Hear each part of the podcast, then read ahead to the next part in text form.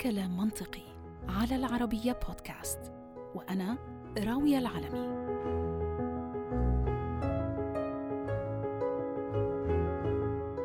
للهوى أسرار من دون شك والرومانسية مثل البحر الواسع. وكلنا لسبب ما منشعر إنه إحنا قادرين على الغوص لأعماقه لحتى نوصل لهي اللؤلؤة اللي تسمى الحب. لكن للأسف كتير منا بيغرق أثناء المحاولة. بصراحة بما أني امرأة متزوجة أصبحت نوعا ما بعيدة عن حكاية الشخص المناسب أو الغير المناسب من زمن طويل. لكن شخص عزيز على قلبي كان بيحدثني من بضعة أيام عن حديثه مع مجموعة من الشباب في العمل وكان موضوع الحديث هو صعوبة إيجاد شريك حياة هاي الأيام. قال لي صديقي بأنه إحدى الحاضرات كانت بتتحدث عن أنه كيف محاولاتها المستمرة لإيجاد زوج أو شريك مناسب دائما تبوء بالفشل مرارا وتكرارا وبينما صرح شاب آخر حسب ما أخبرني صديقي أنه تطبيقات المواعدة هي صارت مصدره الوحيد المتوفر للتعرف على الجنس الآخر. كون طبعا وقت الفراغ المتوفر له قليل وما بيسمح له بالتواجد بأوساط صحية بتمكنه من التعرف لفتاة علها تكون هذه الفتاة هي المنشودة. لكن وبعد سنتين من التجارب ومحاولات عدة فشلت آخر محاولة له طبعا رحنا نتبادل الحديث أنا وصديقي عن هذا الموضوع مطولا وما تركته حتى اضطريت إني أغزو اليوتيوب والجوجل أحاول أبحث عن أجوبة للسؤال اللي ضل يكرره هذا الشخص. لماذا بالرغم من كل المحاولات المتكررة والجادة والنية الصافية كمان تبوء محاولاتنا لإيجاد شريك مناسب بالفشل؟ علم الاجتماع عنده نظرياته في الإجابة على هذا السؤال وكمان علم النفس. لكني وجدت نفسي ميالة أكثر لإيجاد الجواب بناء على تجارب الإنسانية. فحاولت إني ألاقي قواسم مشتركة آه، ما بين كل هاي النظريات. وبنفس الوقت أستجمع كل ما أعرف وكل ما قرأت وشاهدت وسمعت وأدمج صافي هاي الخبرة الشخصية بإجابات العلوم الأخرى. فلقيت إنه عملية البحث عن شريك حياة هي طبعا لا يخفى على احدنا أمر صعب للغاية وبالنسبة للشباب عامة. فبداية العلاقة عادة بتكون مليئة بالأماني وبالفرح. لسبب ما وللأسف كثير من الأحيان بتنتهي هاي العلاقات بالفشل. لسبب ما هؤلاء الشبان بضلوا دائما مصرين على تكرار المحاولة وهذا في حد ذاته أكيد يدعو للاحترام. ولكن يمكن في عوامل كثيرة وأسباب أيضا اللي بتحول دون الوصول لهذا الشريك المنشود والشريك المناسب. أكيد رح أحكي مع ضيفتي في وقت لاحق من الحلقة حول شو هي ممكن تكون الأسباب سواء كان من واقع خبرتي أو من واقع خبرتها المهنية بهذا المجال. ولكن على كل حال إحنا تخيلوا معي لو طلبنا من شاب أو شابة إنهم يدونوا في ورقة كل ما بيتمنوه في شريك حياتهم. بالغالب رح نقرأ يمكن أجوبة على هذا النسق. إنه أريد شريك أو شريكة طيبة وصبورة ويكون مستقل بذاته لكن سهل إنه يحب. تكون مثلا هي طويلة البال وهادئة لكن مليئة بالطاقة. يكون واثق من نفسه لكن ما عنده أي مشكلة من إنه يضحك على نفسه. تكون مثلا إنسانة جميلة جدا ولكنها متواضعة. يكون شخص مجنون بالحياة لكن يعي تماما ما يريد ونوعا ما مسؤول. فيمكن الأشخاص ببينوا أنه هن بيعرفوا بالضبط نوعية الشخص اللي هن بدوروا عليه. لكن الشخص اللي بينتهي به المقام جالس أمامنا بيكون يمكن إنسان مختلف تماما عن الوصف اللي إحنا كنا بندور عليه. والسؤال هون ليه؟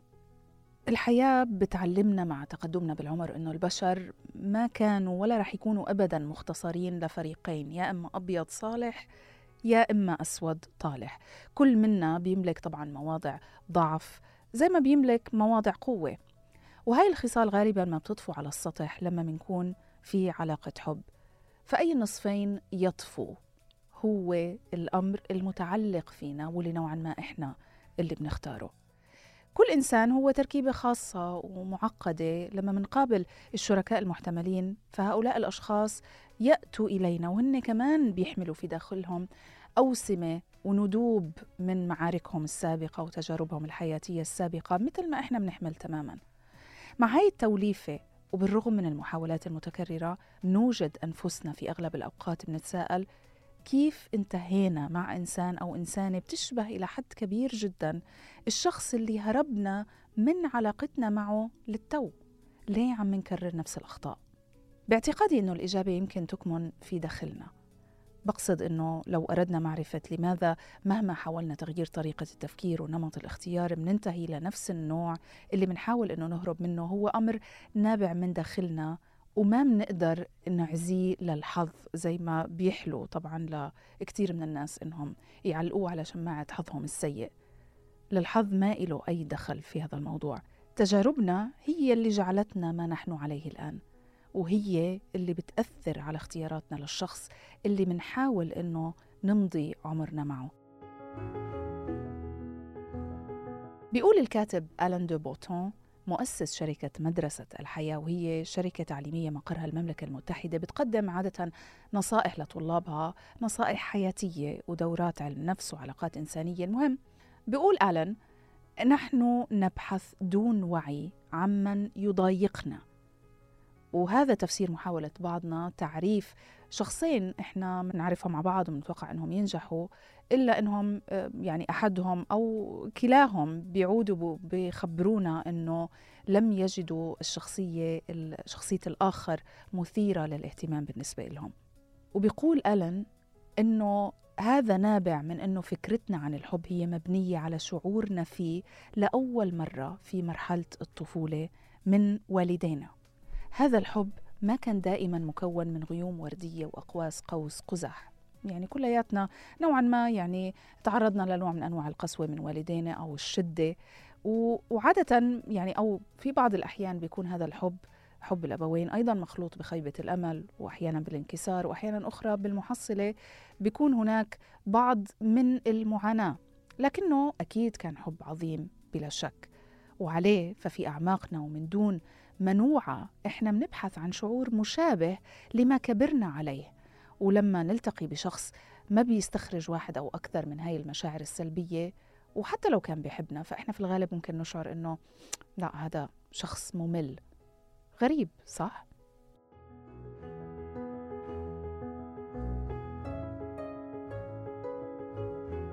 طيب خلينا نحكي مع أهل الاختصاص عن هذا الموضوع. هذا الموضوع بعتقد بأنه كتير شيق و... ويمكن هذا السؤال اللي بيطرحه كتير ناس بيسألوا هذا السؤال. برحب بضيفتي في الاستوديو سيرين زيادة مختصة في الترجمة اللغوية العصبية والذكاء العاطفي الاجتماعي. أهلا وسهلا فيك يا سيرين معنا مرة تانية في كلام منطقي. أيوة أهلا وسهلا فيك يا ربي. إن شاء الله هيك نضيف قيمة ومعلومات قيمة للناس اللي عم بسمعونا. وكيف من الممكن الموضوع زي ما حكيتي كتير شيق وتحدي يمكن كتير ناس بتمر فيه من ناحية العلاقات. أكيد هي هي الفكرة كلياتها يمكن من طرح هذا السؤال إنه آه، نخلي كل شخص يمكن بيعاني من المشكلة اللي رح نحكي عنها آه، يفكر أكثر ويعمل يعني ينظر للداخل لأنه يعني إحنا يمكن لنا إيد في جزء كبير من أي معاناة إحنا بنعاني منها على الأقل على الصعيد النفسي خلينا نقول. طيب ندخل في الموضوع على طول إذا هيك. سيرين شو اللي بيخلي يعني أنا بحس إنه بموضوع العلاقات والبحث عن الشريك المناسب والحصول أو آه، العثور عليه آه، في عدة تحديات بزمننا اللي إحنا عايشين فيه. أول إشي إنه يعني عم بطلع حوالي عم بشوف إنه يعني كتير شباب وشابات عم بيفشلوا بإنهم يلاقوا الشريك المناسب. ما بعرف يمكن متطلبات الحياة العصرية خلت الكرايتيريا أو شروطهم مختلفة وصبرهم أقل وحتى رغبتهم في التنازل أو آه إنهم يعملوا كومبرومايز آه زي ما زي ما بينقال آه صارت أقل بكتير. بس هاي مشكلة على جانب يمكن نحكي فيها بحلقات قادمة. المشكلة الأخرى بإنه بلاحظ بإنه أو لاحظت بإنه في كتير ويمكن كلنا وقعنا في في هاي المشكلة آه في كتير ناس بضلوا يكرروا نفس النمط من العلاقات. وخصوصا إذا كانت علاقات آه، يعني فاشلة أو بت- بتنتهي بالفشل بردوا بيرجعوا بيبنوا علاقة أخرى مع شخص مشابه الداينامكس تبعت. العلاقة هي نفسها. ليش هيك بصير إحنا أصلا شو هي آه، آه، يعني أسس الاختيار على أي أساس إحنا خصوصا وإحنا لسه ببداية عمرنا بنختار. هل هو بناء على شو شفنا ببيتنا مع عائلتنا علاقة أمنا وأبونا سواء كانت إيجابية أو سلبية. أوكي. أم، في مقولة كتير بحب أحكيها بشكل عام عن العلاقات. أنت لا تجذب ما تريد أنت تجذب ما أنت عليه. يعني كتير بدنا أشياء معينة بدنا نكون في العلاقة بنقول واحد اثنين ثلاثة. لكن هاي النية بالعقل الواعي بتكون. نية أنا واعية عليها. لكن شو النوايا اللي بالعقل الباطن؟ من الممكن تكون عكس تماما النية اللي بدي إياها. فهاي النية اللي جوات عقلنا الباطن إحنا ما بنكون واعيين لإلها. يعني آه، بيكون برنامج بيشتغل لحاله. وأعطيكي مثال معين مشان تقدري تربطي الموضوع بشكل آه، بشكل سهل أكثر لنفترض إجيت قلت لك أنا هلأ عينوني شركة وبدي أتعلم كيف طريقتك لشراء الملابس. كتير في ناس باجي بقعد معهم من ناحية إنهم يعلموني استراتيجية اختيار الملابس لأنه اختيار الأشخاص شوي بيكون الموضوع شوي complicated. أنا بنحاول نبسطه آه يعني. بنحاول نبسط الموضوع. فبيجوا بيقولوا لك إنه أنا بشتري اونلاين أو بشتري مثلا من المول آم، آم، بفوت بقيس وخلص وبروح بشتري. مم. هل هو هذا فعليا اللي صار؟ لا. في استراتيجيات داخليا عم بتصير ونحن مش واعيين عليها. مم. أول إشي إمتى بتقرر انت إمتى تشتري؟ في كتير أوقات إحنا ما بنكون عارفين إمتى بقرر إمتى أشتري هل أنا محتاجه لهذا الشيء ولا لا شو الدوافع تبعتي للشراء. مم. بتوصلي مثلا بتقرري كيف قررتي أونلاين ولا قررتي تروحي physically تشتري الموضوع الشيء اللي بدك إياه. كيف قررتنا أي محلات نروح عليهم ولا إحنا بنعمل shopping لكل المحلات بشكل بصري؟ انت هيك أثرتي أكثر من نقطة ما هو يا إما الناس آه، وهي عم تبحث عن شريك. لا لا يعني آه، تقول ما ليس فيها حتى بدون وعي. يعني هي بت- بتعطي صورة لل- للشريك اللي قدامها على آه، هو كيف حابب إنه يكون ولكن ليس هو فعلا كما هو. هاي أيوة. واحد هاي واحد.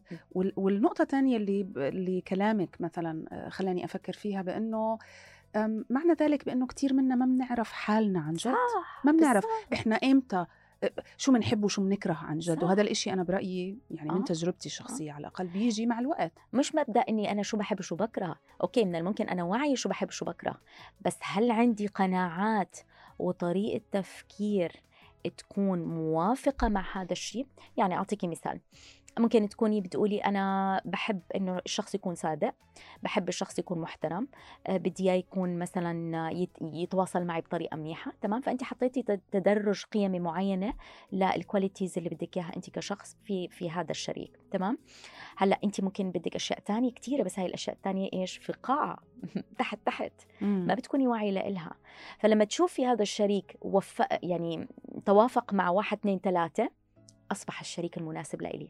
مم. فأنا خلص شفت هدول الإشي وهذا بنسميه الهالو إيفكت اللي هو حلاوة البدايات مم. أعطاني ال- ال- الأساسيات أو الأولويات اللي ببحث فيها في العلاقة لكن هناك أولويات كتير أكثر في العلاقة إحنا ما بنكون واعيين لإلها إمتى بنوعالها لما مثلا تمشي العلاقة مدد معينة بتصيري مم. تقولي لا لما تروح السكرة وتيجي الفكرة زي ما بيقولوا. أو على الأقل هدول ال- ال- الكيماويات اللي بتكون بجسم بجسمنا راحت. وبعقلنا بأول الحب اللي, مم. بت... اللي بتخلي. مراية الحب عمياء صح. عبين ما ترجع تفتح أيوة. خلينا نقول. لما بقول بدوب الثلج وبيبين اللي تحته. مم. فأنا بصير أوعى إنه لا مش هذا الإشي اللي بدي إياه بالعلاقة.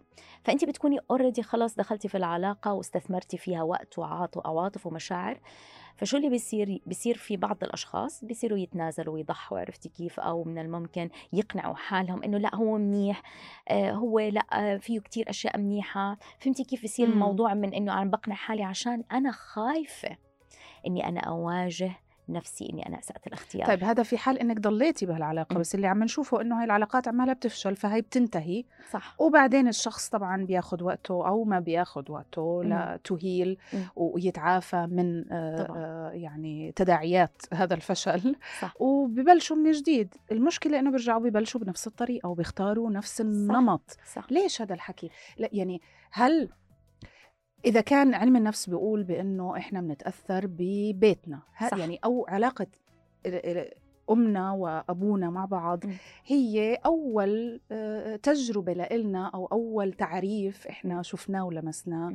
لشو هو الحب أوكي صح. ممكن يكون إيجابي ممكن يكون سلبي صح فبالتالي إحنا إذا كان هو إشي إيجابي وبنطلع عليه بن- بنظرة إيجابية. بدنا نقلده فهل بنصير ندور على حتى نعيد هاي التجربة حتى لو كانت مثلا آه، يعني tough love مثلا. أهالينا أوكي. بتعاملوا معنا بشوية tough love فبنصير ندور على حدا بتع... شريك بيتعامل معنا بنفس الطريقة.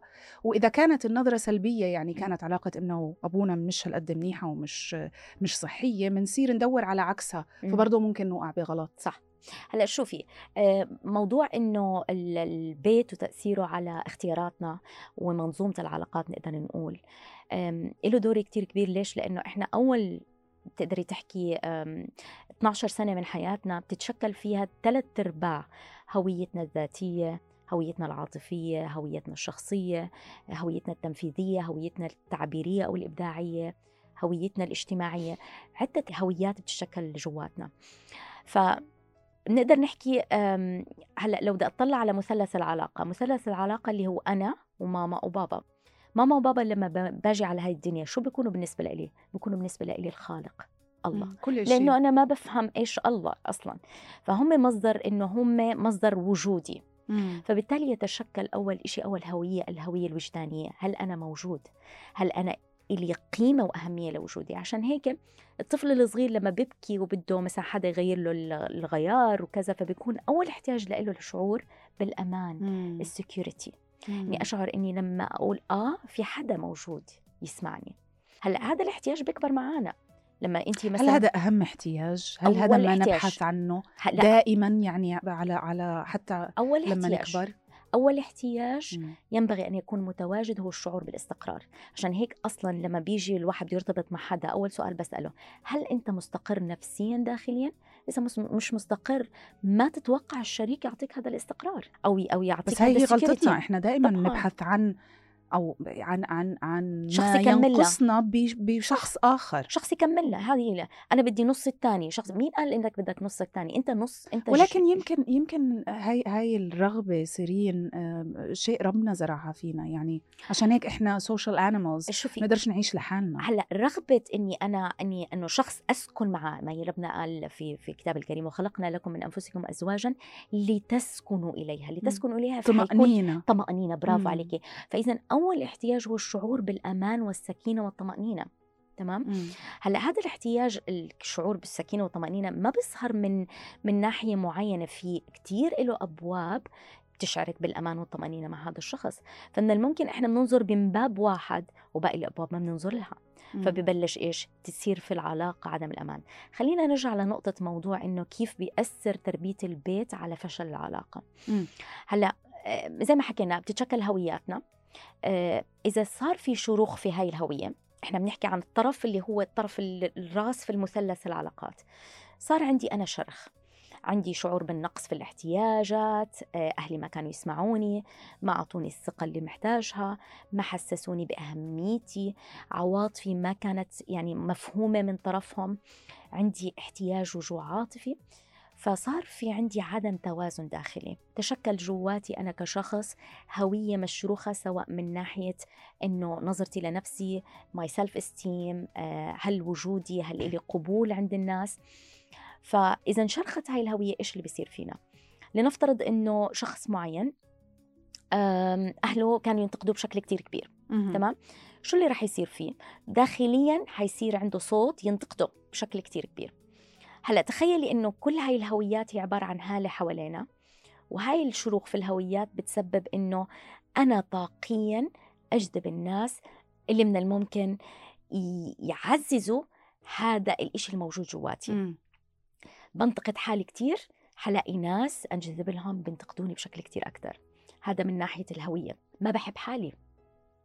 ما بحب حالي إحنا ما بنعرف كيف فبقبل حالنا بحدا ممكن إنه يهيني أو ما يعاملني بالطريقة اللي لا ال- أنا بدور على حدا يحبني عشان أحب حالي شوفي لوين okay. وهذا الشخص اللي مفكرة إنه هو بيحبني هو فعليا ما بيحبني هو مجرد انجذب لإلي وجاي يعلمني درس كيف أحب.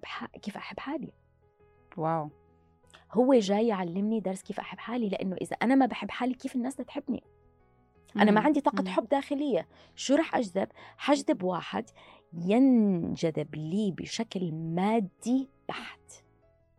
physically بحت.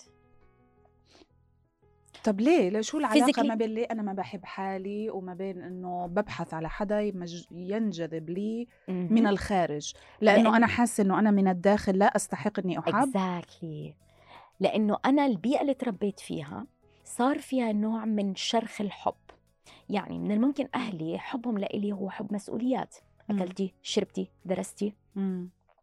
عملتي الواجب غيرتي أواعيكي. حب مسؤوليات. كطفل ما حصلت على الحب ما حصلت على العطة على البوسة سواء من أبوي أو أمي. مم. آه، أبوي بيمثل طاقة الذكورة واللي هي الطاقة اللي أنا كأنثى من الممكن إني أقعد أرتبط أو أتعلق فيها. وأمي بتمثل طاقة الأنوثة اللي هي الإشي اللي بصير أستمد منه أتعلم. منه. كأنها مرايتي يعني. مرايتي. بالضبط. ف... آه، كأنثى كأنثى. فكتير في أمهات طاق بفكروا إنه إنه ما تيتا أو ماما علمتني إنه هيك الحب مم. فبيجوا بيعطوه لأولادهم بهاي الطريقة. لكن إحنا كل واحد فينا لما بنولد ما بنولد بنفس الجينات وال- والدي ان اي تبعنا. على هيك أعبائنا النفسية تورث. طبعا. تورث. أكيد. عشان هيك إحنا بنفكر إنه ال- ال- ال- الصفات معينة فينا هي عبارة عن ميراثيه لا هي هي هاي الصفة اللي تعلمتها من أهلي غيرت لي ال DNA تبعي عشان هيك بيجي أولادي نفس ال DNA تبعي. ليه؟ لأنه البيئة بتأثر على ال DNA تبعنا. يعني انت في كتير أمراض طيب، تشافى؟ هو بالفعل هو في بعض الدراسات يعني أثبتت ببعض المجالات بأنه آه، يعني حتى من الناحية الجسدية تغيير مم. عادات معينة. مثلا أكل أكل مش صحي مم. آه، فيه سكريات عالية ممكن إنه يغير عمل الخلايا وال DNA تبعها. على الأقل فيها يعني في إطار هذا مم. الجسم. ما بعد ما كنتش أعرف إنه ممكن حتى تورث. يعني إلا ما هو عن طريق التعامل ما كروموسومات. DNA تورث في أشياء مكتسبة في أشياء موروثة. مم. في فرق بين المكتسب والموروث. فإذا نرجع للنقطة الأولانية. اولا إنه أنا ما حصلت على الاحتياجات تبعتي العاطفية فأصبح عندي جوع عاطفي. شو بروح؟ بدور على حدا يغذي لي هذا الجوع اللي ناقص عندي. مم. حدا يحكي لي كلام حلو حدا يحسسني بأهميتي حدا يقدرني فأنا جوعانة داخليا. دخلتي في علاقة دخلتي مع شخص متلاعب عاطفيا. مم. هدول موجودين. يجي يحكي لك كم من كلمة حلوة يحسسك بأنك أنت فوق في السماء إنه ما في حدا غيرك في الدنيا وبكون إيش؟ كتير بحب يعمل علاقات كتيرة. تمام؟ فأنت بترتبطي بهذا الشخص صار في فشل في العلاقة طلعتي من العلاقة شو طلعتي؟ مكسورة أكتر. مم. عندك جوع عاطفة صح. أكتر صح. وين بدك شو بدك شبه الدوري أكثر الدوري على واحد أكتر. نفس الفكرة. وبتاكلي كف مرة تانية و- وكف ورا كف لحتى تصحي إنه المشكلة مش براتك. المشكلة جواتي أنا. إمتى الإنسان بي- بيوصل لهذا؟ يعني أكيد ما في عمر معين وهذا بيعتمد على آه، وعي الشخص نفسه. مم. وقد إيه مدى قدرته على التعلم؟ من تجاربه صح. بس إمتى اللحظة اللي ممكن ال- الشخص يعني لأنه في ناس بتضلها تعمل نفس الأخطاء مم. تكرر نفس أنماط العلاقات وبتضلها تبوء بالفشل وبالآخر يعني ممكن إنه يكملوا مع شخص بس لأنه كان في محاولات فاشلة كتير قبل هيك والشخص هذا غير يعني لا يحتمل الفشل مرة أخرى. مم. وبيكمل مع إنه العلاقة فاشلة. صح. إمتى بيصحى الواحد؟ إمتى بيغير؟ بصحى الواحد لما أو بيفهم أكثر بفهم أكثر أوكي. بصحى الواحد لما زي ما حكيتي في ناس ما بيصحوا إلا بعد كم من فشل في العلاقة فبعدين بيصيروا يقولوا يوعوا إنه طيب الموضوع متكرر معناته ليه أنا عم بختار هذا الشخص؟ ليه أنا عم بوقع في علاقات فاشلة؟ وهي دائما أكثر الأسئلة بيج... اللي بيسألوها الناس إنه ليه أنا عم بختار الشخص المش مناسب؟ ليه أنا عم بو... بجذب الأشخاص بقول السلبيين لك أنا ليش هيك حظي؟ في ناس حظ هذا لسه في إنكار في حالة آه، إنكار. لأنه مش هو لا هو مش بالضبط. حظ. هاي هي الناس اللي في حالة إنكار بيجي بقول لك إنه برمي المشكلة خارجه فبدخل في عقلية الضحية بيصير يقول لك آه ما هم الشباب بطل عندهم مس... قادرين يتحملوا المسؤولية البنات بعتقد بطل إنه في منه في في تغير بهذا الجيل رح نحكي أكيد. بهذا الموضوع في أكيد. تغير بس. التغير موافق للطبيعه للطرفين فهمت شو. قصدي؟ يعني واحتياجات الطرفين واحتياجات. الطرفين يعني ما بنقدر نقارن أهلنا أمنا وأبونا بالبيئه أو نقول الكالتشر اللي ربوا فيه إنه الكالتشر هو له أساس بنجاح العلاقة أو فشلها. لأنه هينا إحنا عم بنعيش ال 2020 أو 2022 بعالم مختلف تماما عن العالم اللي عاشوه أهلنا. هل يعني ذلك أنه في علاقات كتير عم تفشل؟ لا مش شرط. هي مجرد بس إنه في نسبة طلاق كتير ارتفعت. آه. في مثلا تأخر سن الزواج.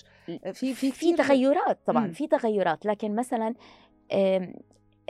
كيف بدي اقيس لك إياها؟ المبدأ إنه زمان كانوا أهالينا ما عندهم خيارات أكثر للطلاق. يعني مم. سوري آه الوحدة. الوحدة تقعد هل هذا يعني إنه ما هي كان ما بتشتغل بتقدرش تعيل نفسها فبالتالي بتفضل انها بالضبط. تضلها بهاي العلاقة حتى لو بس هل يعني ذلك إنه ما في كان فشل في العلاقات؟ لا نفس النسبة. لا لا أكيد كان بس في. فشل صامت. آه. فشل غير موثق. غير موثق. هلأ إيش صار؟ صار الجيل أكثر أوعى. بيقدر يعبر عن نفسه في استقلالية أكثر فبتلاقي عشان هيك عم بنشوف الفشل أكثر. صار موثق أكثر واضح لنا أكثر. تمام؟ وصار المجتمع متقبل له أكثر فبالتالي صار في إفصاح عنه صح. و... و... وفرصة للبدايه الجديدة يعني صح صح مزبوط. بشكل عام. ففشل العلاقة كمان بيعتمد على عدم الاستحقاق. يعني أنا مثلا فرضا آه، عندي قناعات معينة تحدد استحقاقي وهذا كتير بنسمعه. أنا كبرت مين بده يجوزني؟ آه، وين بده يلاقي الواحد بنت آه، زي العالم والخلق؟ آه، وين من الممكن إنه ال- العلاقات صايرة كتير صعبة. فأنا بنيت استحقاقات داخلية لصعوبة حصولي على الشخص المناسب. أه، توقعاتي. بحيث إنه آه، ما خلص لا ما أكيد مش موجود. هذا أكيد مش الرجل المناسب مش موجود. موجود. عشان هيك بنقول الواحد أقبل صعب. بأي حدا. بالضبط. فلما بنسمع كلمة صعب صعب لا هو مش صعب. أنت اللي خلقت قناعات داخلية جواتك من تجاربك إنه أنا من الممكن إني أفشل ويكون الموضوع صعب بالنسبة مم. لي. ليه؟ لأنه أنا شفت ماما وبابا كانت العلاقة صعبة بيناتهم. فهنا مثلث التأثير في العلاقة إنه من الممكن ما شفت الحب والرومانسية بين ماما وبابا. من الممكن كان في مشاكل كتير بين ماما وبابا. من الممكن كان في فشل في العلاقة. أنا بلشت أدركه لما كنت أكبر. فبصير عندنا منظومة برضو العلاقات الاجتماعية. يعني تأثير الأم والأب بشكل كتير كبير بيأثروا على منظومة العلاقات واختياراتنا. ولاحظي على الأقل وإحنا ب... وإحنا صغار يعني في بداية وحتى وانت عمرنا. كبيرة وحتى وانت كبيرة لا شعوريا. هلأ لو أي واحد باجي بقعد معاه بسأله هل الشخص اللي أنت قاعد معاه بيشبه أمك أو أبوك؟ أنا عم بضحك لأنه آه. إحنا يعني مثلا خليني أقول هيك آه، شيء شخصي نوعا ما إنه مثلا أنا آه، واحدة من أربع أطفال أو. يعني إخواتي إحنا أربعة كتير آه، مثير للاهتمام هلأ بعد ما كبرت ووعيت بطلع على اختياري أنا وأخوي اللي أصغر مني بشوي آه، اختيارنا كان في له تأثير معين من الفترة إحنا قراب على بعض بالعمر من الفترة اللي إحنا كنا. فيها صغار من من كان اللي له تأثير بحياتنا أكثر بينما اختيار آه، الاثنين الصغار. أو ت- نمرة كان مختلف تماما مم. طب معنى ذلك هذا هذا بيجيبني لسؤال مم. معنى ذلك إنه إذا كانت علاقة يعني آه، الوالد سيئة مم. we are doomed معنى لا. ذلك إنه علاقاتنا إحنا ما يعني آه، فرصها في النجاح بتكون أقل. لا أنا أنا لست أمي صح. وشريكي ليس أبي. هلأ شوفي عشان ما تكون العلاقة فاشلة ينبغي أن أتسامح مع وعي لأن ينبغي أن أتسامح. أتسامح مع وعي أهلي. كيف يعني؟ وعي الأهل. يعني أهلي لنفترض إنه كان في مشاكل بيناتهم. وحتى طريقة تعاملهم معي مش الطريقة اللي كنت بدي إياها اللي كنت برفضها من تسلط تحكم أوفر بروتكتيفنس قلق. توتر شو ما كان يكون. إذا أنا ما تسامحت مع وعي أهلي يعني فهمت إنه هذا الشيء اللي عملوه واللي قدموه هو بناء على وعيهم. المشاكل اللي وقعوا فيها شو الأغلاط اللي غلطوها؟ بدل ما إني أحكم عليها أحول الموضوع لعبرة ودرس لإلي. هي الفكرة بتهيألي إنه to finally نشوف أهالينا على إنهم بني آدمين. بيخطئوا. وهذا اللي بيعرفوه. وهن عملوا الأفضل ما استطاعوا بما يملكوا صح. من معرفة. ويمكن معرفتي أنا بهذا العمر أكثر من معرفتهم. نظرا الدنيا تغيرت أصلا. وصار ال- الإنسان بشكل عام عنده مخزون من التجارب أكثر صح. من الأجيال السابقة آه، عنده كمان access ل information مم. أكثر بكثير من الأجيال السابقة بس هي أنا أنا يعني حتى برضه من تجربتي الشخصية حسيت إنه فعلا لما صرت أطلع على الوالد والوالدة على إنهم آه، بني آدمين زي زيهم صح. بي- بيتعلموا وبيخطئوا وبيصيبوا بس مش كل الناس زيك في ناس ما بيقدروا بيلاقوا صعوبة إنهم يتسامحوا خصوصا إذا إجوا طلعوا من أماكن فيها نوع من العنف آه. كان فيها نوع أكيد. من المشاكل أكيد لما يكون في في. ترومز معينة في طلاق في انفصال في مشاكل كتير كتير فهمتي كيف فروابط الأمان عنا بتتزعزع داخليا عرفتي يعني حتى لو لها تأثير كتير طويل طبعاً. المدى يعني تخيلي أبوكي مثلا ما بتشوفيه مين اللي بتلاقيه بالبيت إخوانك المتحكمين المتسلطين مم. اللي بقول لك تعالي لا روحي كذا آه نحكي عن موضوع الشباب الشاب مثلا ما قعد كتير مع والده احتكاكه أكثر مع أمه مم. فبالتالي طاقة الذكور عنده لا تتشكل مم. بصير عنده more of طاقة الأنوثة مم. فهذا الشاب اللي بتكون عنده طاقة الأنوثة كتير عالية مين بده يجذب؟ حيجذب وحدة عندها طاقة الذكور أعلى آه آه، interesting طبعا يعني يعني امرأة ممكن تكون متسلطة أو أيوة شخص- شخصيتها قوية وهذا اللي. حيلفته هذا حيلفت انتباههم حيحب مش ضروري متسلط ومتحكمة شخصية آه. قوية مسؤولة قد حالها فهمتي كيف؟ لأنه تكون قوام. هلا الأنوثة وال- والذكور الفرق بيناتهم إنه إنه آه، ما هي الطاقات التي تغذي الذكور أو الأنوثة عندي؟ الأنوثة هي مودة ورحمة وتعاطف وحب وسلام وانسجام و... ونقول هارموني الشاب more أكثر about الإنجاز والاستقلال عرفتي؟ وال... talking about gender roles in a way. ما هي طاقات.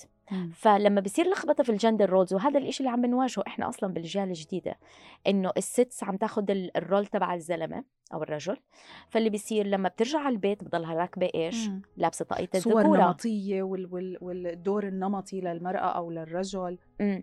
فبصير إنه دور المرأة عم تلعب دور الذكورة في البيت كمان ما هي already بدها تثبت نفسها وقوتها وتنافسها مع الذكورة اللي في الشغل بترجع بالعلاقة العاطفية بتثبت هذا الشيء مم. فبصير في نوع من التنافس عشان هيك ما بيصير في تنازل وتضحي وتقبل ليه لأنه صار في لخبطة بالطاقات بيناتنا سواء طاقة مم. الأنوثة والذكورة آه وهي اللخبطة بتبلش by من الطفولة لما ألاقي أمي هي المتحكمة بالبيت مم. وألاقي أبوي هو المطيع okay. أو الطرف نقدر نحكي اللي هو المسالم الطرف اللي بيمشي الأمور خلص بده يسهل الأمور. آه لما ألاقي إنه أبوي عنده طاقة مشوهة للذكورة متسلط متحكم. toxic masculinity اللي بضلوا أيوة، بضلوا يحكوها بضلنا نسمعها واللي أعتقد ذكورة بط- مشوهة. عم, عم تفهمها غلط يعني بس فتصبح طاقة أمان عندي. ليه؟ لأني تعودت على إنه الذكور يكونوا هيك في حياتي. مم. فحتلاقي حالك لا شعوريا دائما بتوقعي بعلاقات. ذكر متسلط في حياتك. بيقول لك يمين لأنه هذا. اللي بعرفه. هذا اللي بعرفه. هذا ال- ال- الطبيعي. اللي تعودت عليه. مم. منطقة ألفة بالنسبة لإلي. غير إنه أنا عندي أوريدي قناعات من الممكن خوف رفض ألم من العلاقات فبتلاقيني لا شعوريا آه، تقديري لذاتي منخفض. فمين اللي بجذب؟ الناس اللي هم بيكونوا إيش؟ تقديرهم لذاتهم مشوه طبعا بطريقة تانية يتكبروا علي. هم اللي مم. يتحكموا فيه هم اللي يقولوا لي روح يمين وشمال. لأنه أنا تقديري لذاتي منخفض. وعم بتقولي بأنه مجرد ما توضح هاي الصورة يوضح تأثير مثلا الطاقة الذكورية وال... مم. والأنثوية بحياتنا وإحنا عم نكبر من خلال علاقة والدنا ووالدتنا ببعض وفينا. مجرد ما توضح هاي الصورة بنصير أقد... أك... أكثر قدرة على رؤية ليش عمالنا بنعمل نفس ال... صح، أكيد. نفس ال... يعني- الاختيارات ال- الخاطئة برافو يعني عشان أعرف أنا ليه عم بختار مثلا غلط أول شيء برجع لطفولتي أوكي. أنا كثير بنصح بهذا التمرين إنه تمسك ورقة وقلم وتكتب علاقتك مع والدك ووالدتك علاقة والدك ووالدتك اكتبها كليا. وشوف شو النمط اللي عم بيصير. كيف هذا النمط اللي أنت عشته من الممكن يكون انعكاس عن النمط اللي أنت عم بتكرر عندك بعلاقاتك. لأنه في قصة أنت عم بتعيشها وحتضلك تعيشها لحتى تتحرر من كل الطاقات اللي بتخليك متعلق في هاي القصة. لتتحرر منها.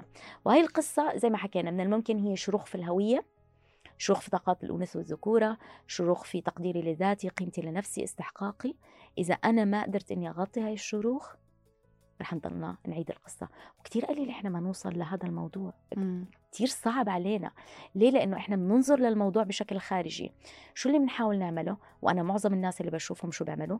أنا انتهت العلاقة كيف بدي أتخلص من الألم والحزن؟ مم. الموضوع مش هيك بس. لازم أتعلم. لازم إني أرجع وأشوف إيش اللي خلاني أوقع في هيك علاقة. مم. ليه دخلت في هاي self العلاقة؟ reflection أو أو يعني إنه الواحد ينظر إلى الداخل مم. فعليا بصدق.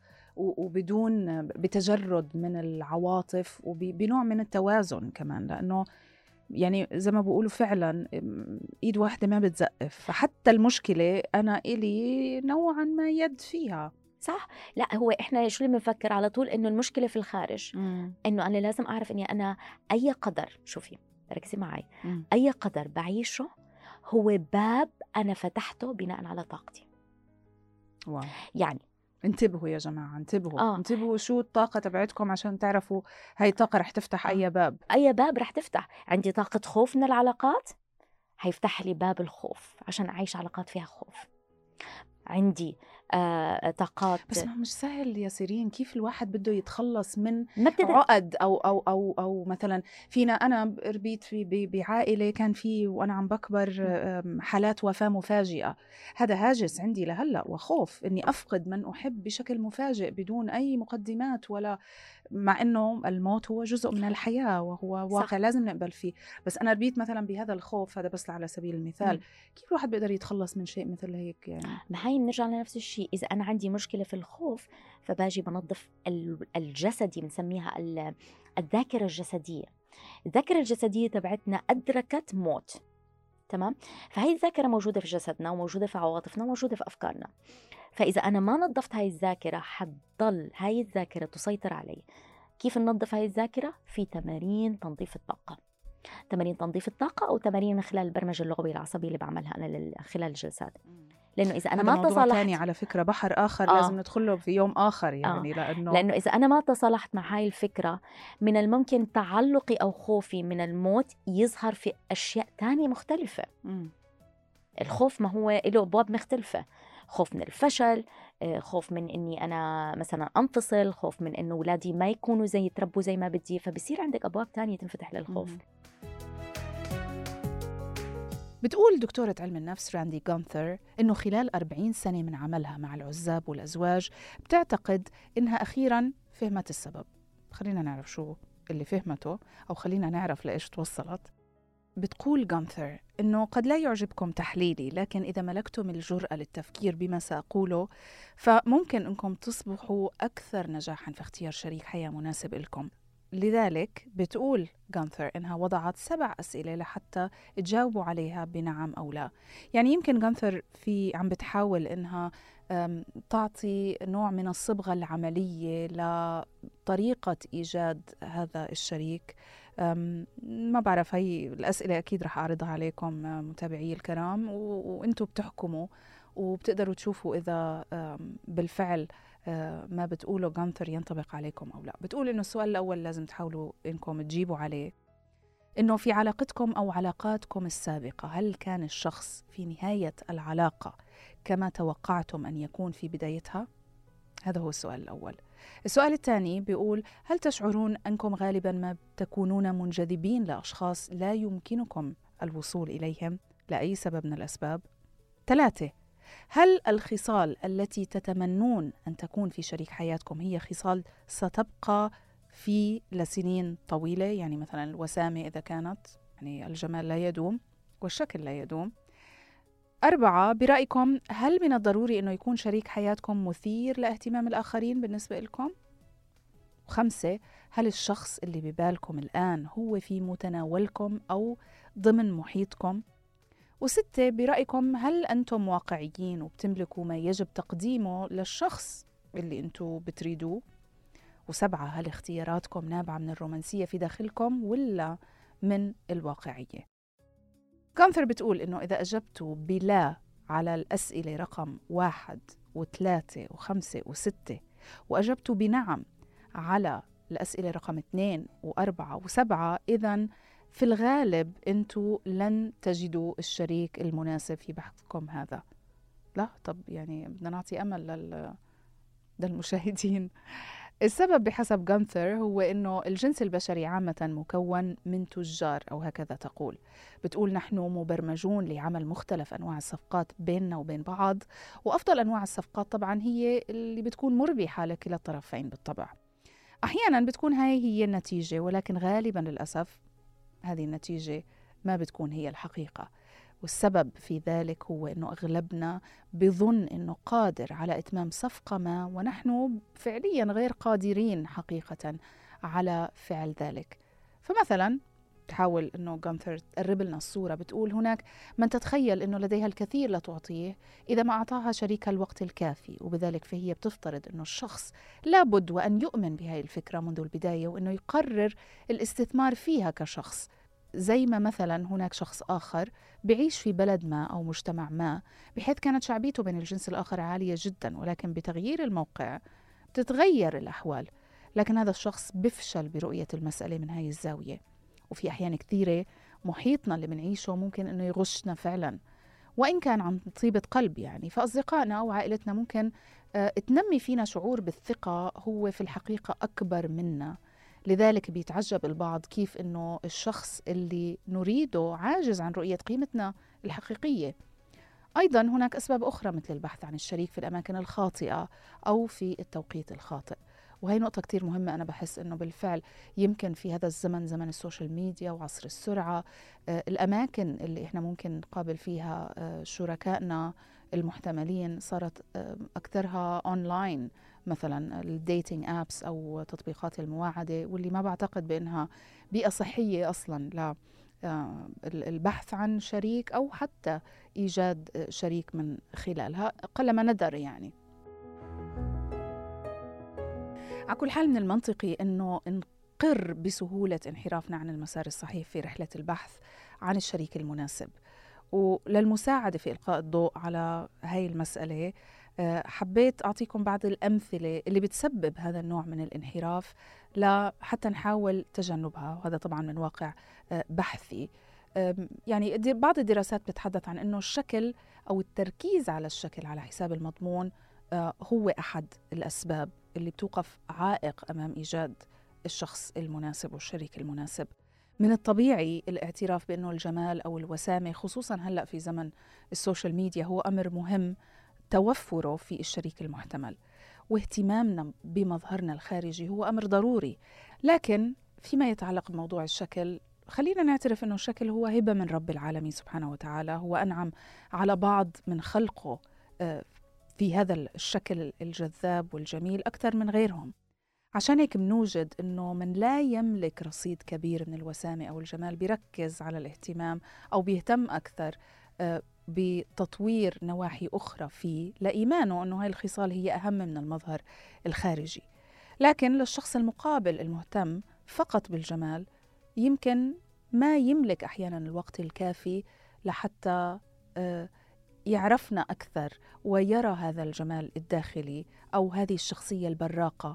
لأنه يمكن هذا الشخص أنزلهم من حساباتهم أنزل الشخص اللي ليس على القدر الكافي من الجمال من حساباته ببداية العلاقة. ولأن هناك عدل في الدنيا كما في الآخرة فكلا الشخصين يعني سواء كانت المهتمة بالوسامة فقط أو الشخص الآخر اللي مهتم بالجمال الداخلي مثلا اللي بيهتم بالوسامة والجمال أكثر أكيد رح يعي بلحظة من اللحظات أنه الجمال الشكلي محكوم بالوقت ومع مرور السنين ممكن يفقد هاي الدعامة الأساسية اللي بدأت العلاقة عليها. شو بكون الحل؟ في هيك حالة. أيضا الشخص اللي ارتبط بفتاة مثلا بسبب شكلها الجميل واللي مثلا ممكن يكون ثمانية من عشرة فهذا الشخص دوما رح تطير نظراته. كلما رأى واحدة أجمل تمثل يمكن عشرة من عشرة. وفي هاي الحالة ما على الشريكة وقتها إلا العيش في خوف دائم من هروب شريكها بحثا عمن هي أكثر جمالا. وعليه فإنه هذا المعيار عاجلا أم آجلا رح يفشل العلاقة. أحد الأسباب الأخرى من واقع البحث آه لقيتها بأنه تفادي الشريك الثقيل أصبح شيء مهم. وهون ما بتحدث عن الوزن طبعا ولكن بتحدث عن فكرة أنه إحنا أحيانا منقابل من ننجذب إليهم بجنون. وما أن تبدأ مرحلة التعرف على بعض حتى بنتفاجأ بأنه هذا الشخص يمكن أتانا بأثقاله. يعني ممكن يكون مطلق أو أرمل أو يكون في له أولاد من زيجة سابقة أو يكون وضعه المادي ضعيف أو ممكن له عنده التزام تجاه أسرته. أحيانا بيكون الشخص صاحب مهنة غير عادية بيعمل لساعات مختلفة عن الدارج أو دائم السفر أو مثلا شريكة لديها مشكلة صحية إلى آخره. إذا كنت ممن يهربون من هذا النوع من العلاقات فأنت لن تصبر حتى تكتشف شخصية الشريك الحقيقية اللي ممكن تكون رائعة. فيما لو أعطيت العلاقة مساحة كافية فقط. يمكن أحيانا بالرغم من المشاكل الظاهرة على السطح ممكن تكون أو يكون هذا الإنسان أجمل وأروع بكثير ممن لا يملكون هذا النوع من التحديات فعلياً. أحد الأسباب الأخرى الخلط ما بين النجاح المادي وغنى الشخص.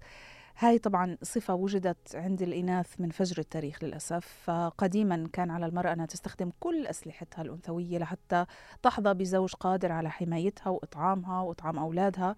لكن طبعا الزمن تغير واليوم أصبحت النساء في سوق العمل زي الرجال. وما عاد من الضروري أنه الرجل يعيل بيته بشكل كامل.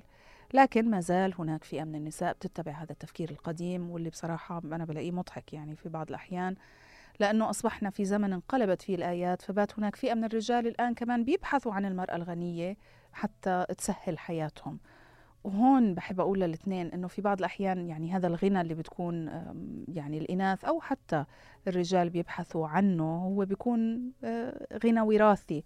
وغالبا ما بيكون من تربى في بحبوحة مادية رجل كان أو امرأة بيكونوا نوعا ما منفصلين عن الواقع وضعفاء في مواجهة مشاكل الحياة.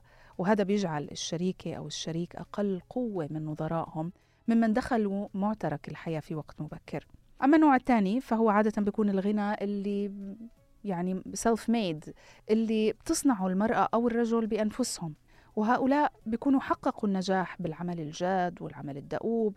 فالمشكلة عادة عند أغلبهم بتكون إنه كلهم مدمني عمل بيكونوا. وهذا دائما ما بيأثر سلبا على حياتهم الشخصية. فعزيزتي المرأة وعزيزي الرجل ممكن تمنحك هاي العلاقة حساب بنكي كبير لكنها أيضا رح تعطيك حساب عاطفي صغير جدا. فكروا مليا إذا ما كان هذا معياركم.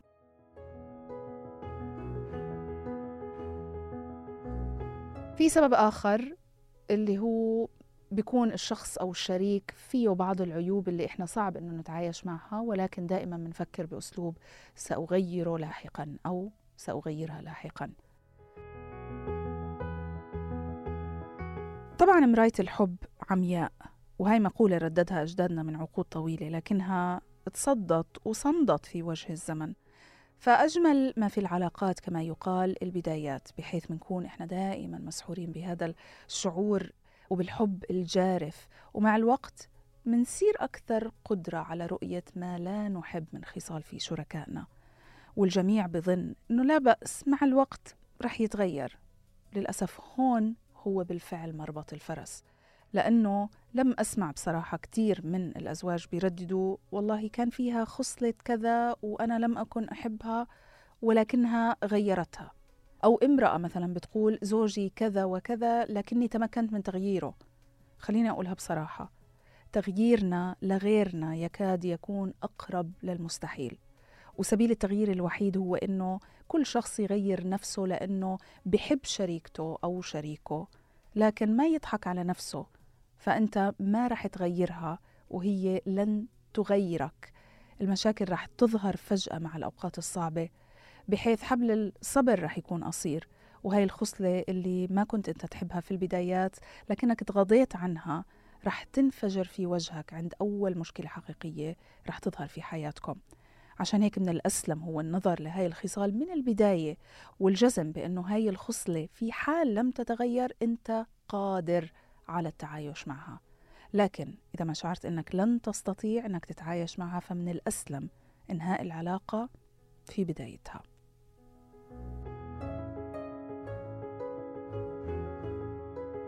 الحديث لا يمل نهائيا بس حابة قبل ما ننهي أتحدث عن نقطة ذكرناها في البداية بأنه فعلا يعني في مشكلة بعلاقات اليوم أو على الأقل من يعني هذا الظاهر.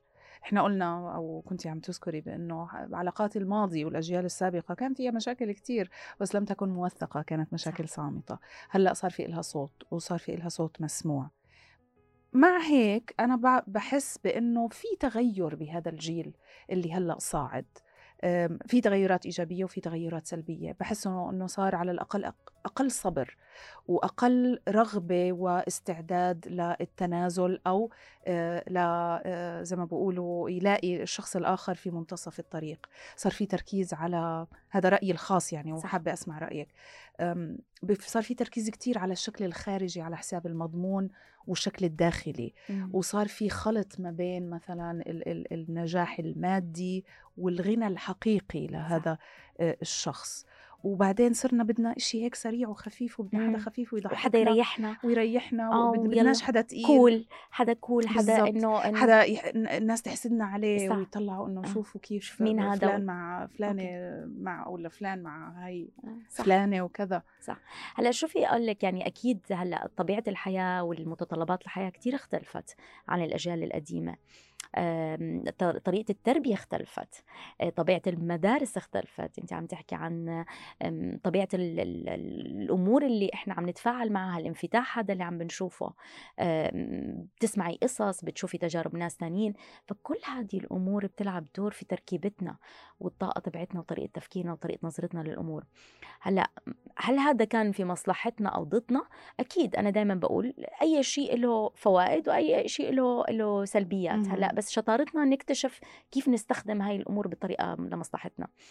انفتاح ال social media مثلا واحدة من العوارض أو الأشياء اللي هي صارت الناس تلاقي سهولة أتعرف على واحد وخلص ما عجبني أصلا هي عمل ال dating block apps عاملة مشكلة على فكرة للاسف كمان بطل في أماكن طبيعية صحية آه، exactly. الناس تتقابل فيها آه. يعني يعني كله اونلاين بتصير تتعرف على بده واحد سريع. وكله بده سريع وما عجبتك خلص block يلا بعد بكرة مع السلامة مم. آه، بتلاقي الشخص الطرف الثاني حتى ال social media أنا بعتقد بحس بأنه الشباب هلأ يعني مثلا ال- الشباب الذكور آه، بدهم آه، ملكات جمال. ملكات جمال. أصلا هن بد- بدهم شغلات متناقضة يعني سواء كان ذكور أم إناث.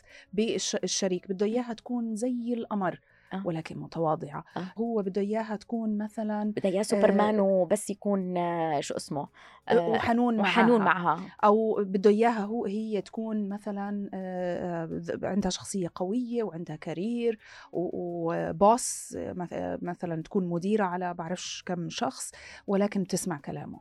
يعني بحس كأنه بدهم أشياء متناقضة وال social media خلى هذا التناقض يعني سمة إحنا مش رئيسية بدنا من سمات حياتنا سوري انت عم تحكي عن التناقض هذا التناقض مش إحنا. هذا التناقض إنه إحنا عنا بدنا أشياء وأشياء تانية بنشوف المجتمع بده إياها. فصفى إنه أنا عم بقلد عرفتي؟ وبطلت عارفه مين أنا. وشو. بدي بالنهاية؟ آه، آه. وال- نوع من التقمص أو ال reality آه. لا تمت للصله أو بعيدة نوعا ما عن اللي بنشوفه عن السوشيال ميديا. لا مزبوط. هلأ يعني آه، بالنهاية صفى إنه آه، موضوع العمق في التعمق في العلاقة عرفتي كيف وفهم نفسي أولا زي ما حكيتي إنه مم. في البداية أنا لازم أفهم نفسي إنه أنا إيش كلاكيعي إيش الأشياء اللي جاي أدخلها في العلاقة لأنه إذا جاي أنا أدخل العلاقة في آم، أشياء مثلا من الممكن فيها نقاط تحتاج لتطوير نفسي بالنهاية الطرف الثاني اللي حيظهر لي هو شخص حيكون يعزز الأمور اللي أنا رافضها جوات نفسي أو من الممكن المشاكل اللي أنا عم بعيشها أو الصراعات الداخلية مم. والتحديات الداخلية جواتي هل من الممكن نوصل لمرحلة إنه إحنا نكون في حالة توازن دايما؟ لا لكن الأساس التوازن يكون إنه الحب عندي مش مشوه والحب أول شيء بنستمده من الحب ربنا اللي أنا عايشته ولا نظرتي وفكرتي عن الحب غير مشوهه الحب بيني وبين نفسي مم. علاقتي مع نفسي أوكي. وعلاقتي مع الله لأنه إذا أنا عم بدور على الحب براتي من الناس أنت في حالة احتياج عم تشحتي الحب الناس حتعطيكي حب مزيف مم. عرفتي حب ليس حقيقي وإنما حب مشروط. أنت لما بتعملي اللي بدي إياه وهذا بنرجع لنفس الشيء اللي هو الحب المزيف أو المشروط اللي تعلمناه من ممكن من بعض الأهل اللي هو برافو عليك إذا عملت إشي منيح ومش برافو عليك إذا أنت عملت إشي سيء. فبيجيكي حب مزيف مم. ومشروط. فانت بتفكري هذا هو الحب لكن الحب عمرك ما تدوري عليه براكي عمره ما واحد يدور على الحب براته. حبك أول شيء لنفسك إنك تعرف إنك أنت مخلوق مخلوق لك رسالة عظيمة. إلك وتستحق. وتستحق لك قيمة لك وجود. حتى الإنجازات البسيطة اللي بتعملها حب نفسك من خلالها. مم. عملك الصالح حب نفسك. يعني برضه في ناس بحس أنا ما بدي آه، هو كلام جميل كتير على فكرة ولكن بحس بإنه آه، استهلكناه شوية لدرجة إنه بعدنا عن آه، معناه الحقيقي. صح. برضه كمان مش حلو إنه إحنا آه، نفكر حالنا أكبر بكتير من ما إحنا فعلا. لا طبعا لأنه هيك. ما عمرنا ما عمرنا رح آه، نتطور. صح. We will not grow صح. this way. يعني أكيد هلأ شوفي يعني مبدأ حتى مبدأ العلاقة. لما نطلع من علاقه إحنا بنعتبرها مصدر لانكسارنا مصدر لتحطيمنا. بدل ما إني أعتبرها إنه مصدر لإني أكبر منها. لها مصدر إني أشوف وين الأشياء اللي أنا من الممكن الفجوات اللي كانت موجودة جواتي واللي خلتني أفشل في هاي العلاقة. حتى إنه ترفلكت على موضوع الطرف الثاني إيش الأمور اللي كنت أنا مثلا عم بغض الطرف عنها وعاملة نفسي مش شايفتها وبضحك على حالي وبعدين إيش اكتشفت اني أنا برفضها.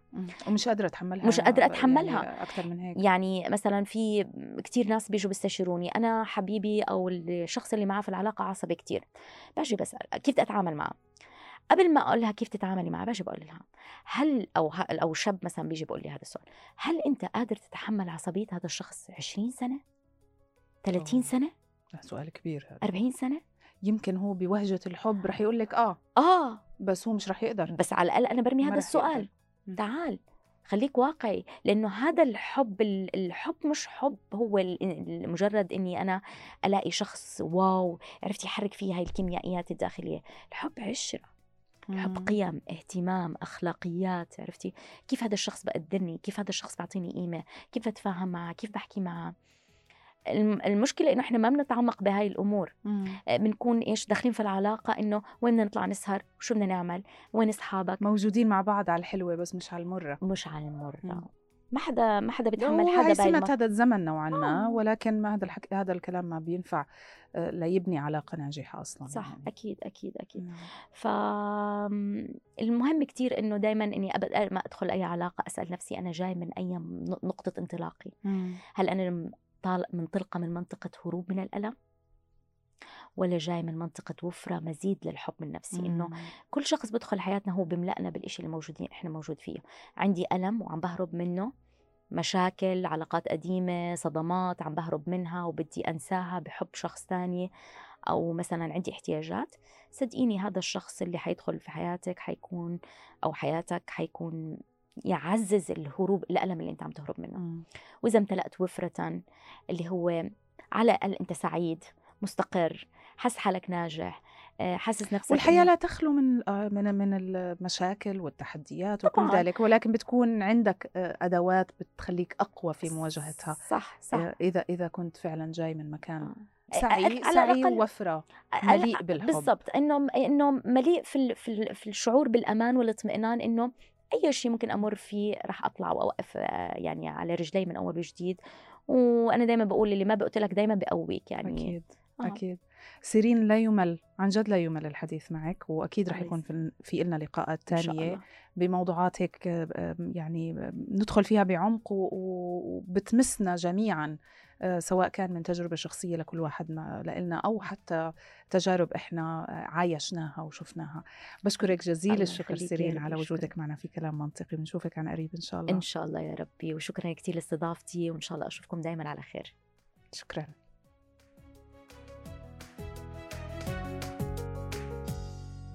في ختام حلقتنا لماذا نختار الشخص الخطأ أو لماذا نقع في دوامة اختيار نفس الشخصية لكن بأشكال مختلفة؟ فهذا له يمكن مئات الأسباب. البعض منا تعب من الرفض فبيركض باتجاه أول شخص بيجده أمامه مستعد لقبوله. أو يمكن في إنسانة لا تريد أنها تكون وحيدة في حياتها أو يمكن بتشعر بضغط الأهل أو المجتمع. أو يمكن في إنسان آخر متمسك بشريكه بالرغم من إيمانه أن الأمور لا تسير في الاتجاه الصحيح لكنه يخاف من فكرة أذيتها. كلها أسباب تبدو منطقية للوهلة الأولى لكن نتائج العلاقة مع الشخص الخطأ وحسابها رح يكون أكثر ضرر من المضي في طريق مسدود.